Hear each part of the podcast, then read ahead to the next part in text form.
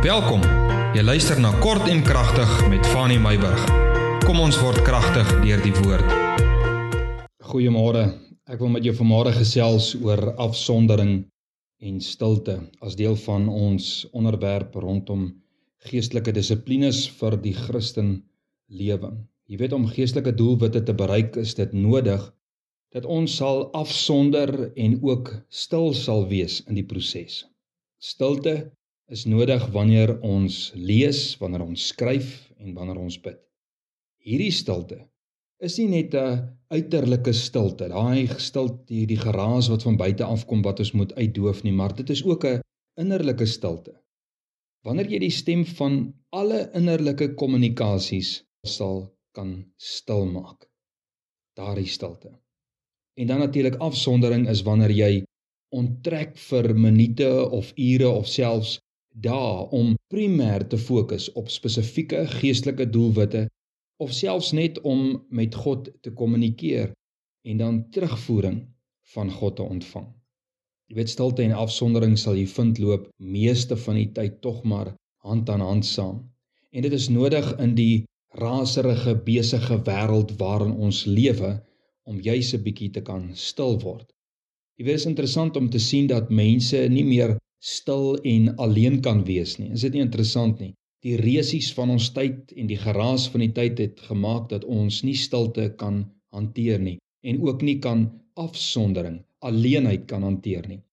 Jy weet selfs as 'n mens wil slaap, moet ons baie keer na musiek luister, baie van ons. Ehm um, ek het gevind dat in die somer wanneer dit koel cool word en dit is reënerig en so dan is dit mos koel, cool, nê?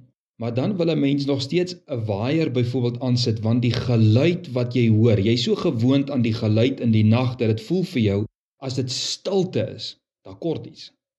Dit is die tyd waarin 'n mens tog lewe goed waarna 'n mens gewoond geraak het.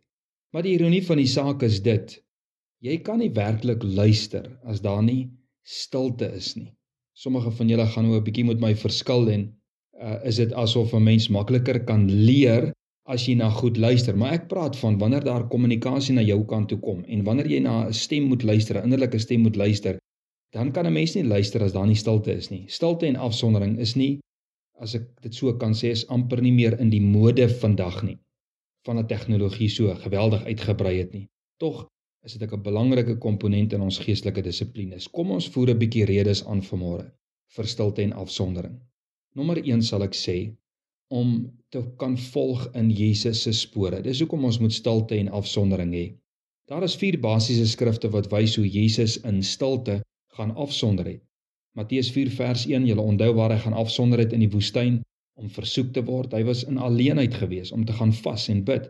Matteus 14:23 op die berg het hy gaan klim en hy het alleen gaan bid. Markus 1:35 vroeg in die môre, nog diep in die nag het hy alleen gaan bid. Lukas 4 vers 42 in die môre het Jesus na 'n verlate plek gegaan. Jy weet almal wou by Jesus wees. Ek glo volgens die mense, die algemene mens, het hulle geglo Jesus kan almal se behoeftes aanspreek. Wat so was. Maar ten spyte van die populariteit van Jesus, die aandrang van die skares om by Jesus uit te kom, het Jesus altyd na die bron van sy krag gegaan in stilte en afsondering. Die tweede gedagte rondom hoekom ons moet stil wees en in afsondering wees, is om God se stem beter te hoor. Jy weet 'n mens moet die aardse klanke uitdoof om die hemelse klanke te kan hoor, om God se stem te kan hoor. Jy hoef nie so seer op die berg te gaan of baie ver te trek soos 'n Moses en 'n Elia nie, maar jy moet tog net na 'n plek gaan waar jy ongestoord en in stilte kan konsentreer. Die derde gedagte en dit is om uitdrukking te kan gee in aanbidding voor God. Stilte is een manier van aanbidding. Habakuk en Sefanja maak hierdie gedagte duidelik in Habakuk 2 vers 20. Hy sê maar die Here is in sy heilige tempel. Swyg voor hom, o ganse aarde. Sefanja 1:7 sê swyg voor die Here, Here. Ek wil vir jou sê ons moenie dink dat aanbidding net deur woorde en sekere aksies moet geskied nie.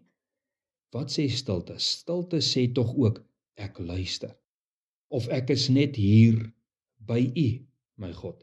Jy weet jou woorde is nie soseer belangriker as jou stilte en eerbied voor God nie. Die volgende rede Dit is tog as 'n uitdrukking van geloof teenoor God. En Dawid sê dit in Psalm 62 en so ook in Jesaja 30 vers 15, Psalm 62 vers 2 en vers 6 sê hy: "Ja, my siel is stil tot God, want van Hom is my verlossing." Wees net maar stil tot God, my siel in vers 6, want van Hom is my verwagting. Dis 'n uitdrukking van geloof teenoor God. Stil voor God in geloof dat God tog weet, tog verstaan en die verlossing sal bring. Jesaja 30 vers 15 want so sê die Here Here die heilige van Israel in terugkeer en rus lê julle heil in stil wees en vertroue bestaan julle krag kyk wat is die krag die krag lê om in stilte voor God te wees nie te murmureer murmureer nie te kla nie te vra nie te smeek nie stilte ja geloof in God word baie keer deur woorde geuiter maar duidelik is 'n gebrek aan woorde jy's 'n uitbeelding van ons absolute vertroue in hom Die volgende gedagte en dit is om verlossing van die Here te soek. En dit is mooi hoe Jeremia dit uitdruk in Klaagliedere 3 vers 25 en 26. Hy sê goed is die Here vir die wat op hom hoop, vir die siel wat hom soek. Dit is goed om in stilheid te hoop op die hulp van die Here. Hierdie stilte voor God is 'n tyd van refleksie op jouself. In stilte sien jy tog wie jy is in die lig van God se woord jou geestelike toestand. Jy sien jou sonde, jou tekortkominge en dan gebruik jy die toetse uit God se woord om jou ware kondisie te bepaal. En deur die stilte bewerk die Here jou verlossing.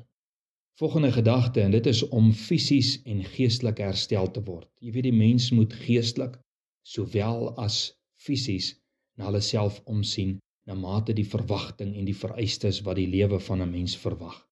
En daarom het Jesus ook op 'n stadium hy vat sy disippels saam met hom na tye van stilte en afsondering om fisies te gaan rus Markus 6 vers 31.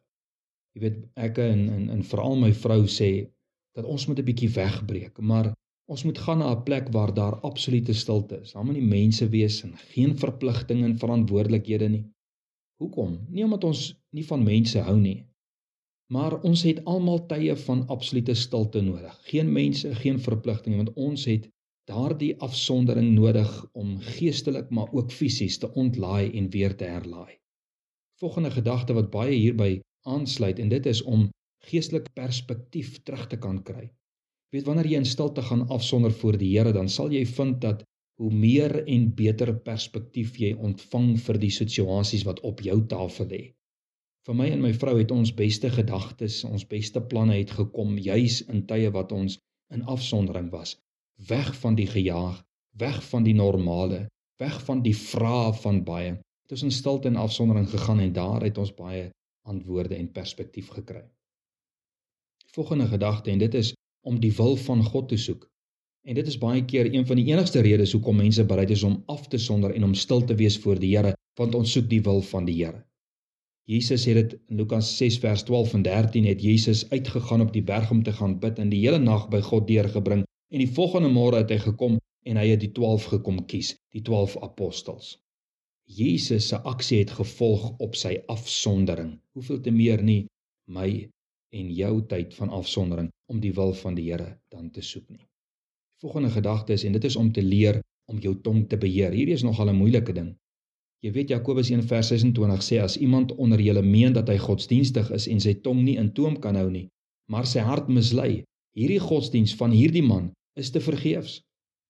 Hy sê in Jakobus 1 vers 19, hy sê jy moet vinnig wees om te luister en stadig wees om te praat. Tye van stilte leer jou om minder woorde te gebruik, maar die woorde wat jy gebruik om dit wel te gebruik wat waarde het en wat krag het. En so ook wanneer 'n mens bid, Jesus sê mens moenie baie woorde oor en oor en herhaal en herhaal nie. Wanneer 'n mens bid, moet jy woorde van waarde moet jy bid ook teenoor die Here. Dit is wat stilte doen. Dit bring 'n dissipline aan jou tong. So, kind van die Here, stel vir jou doelwitte op om minder te praat, meer te luister.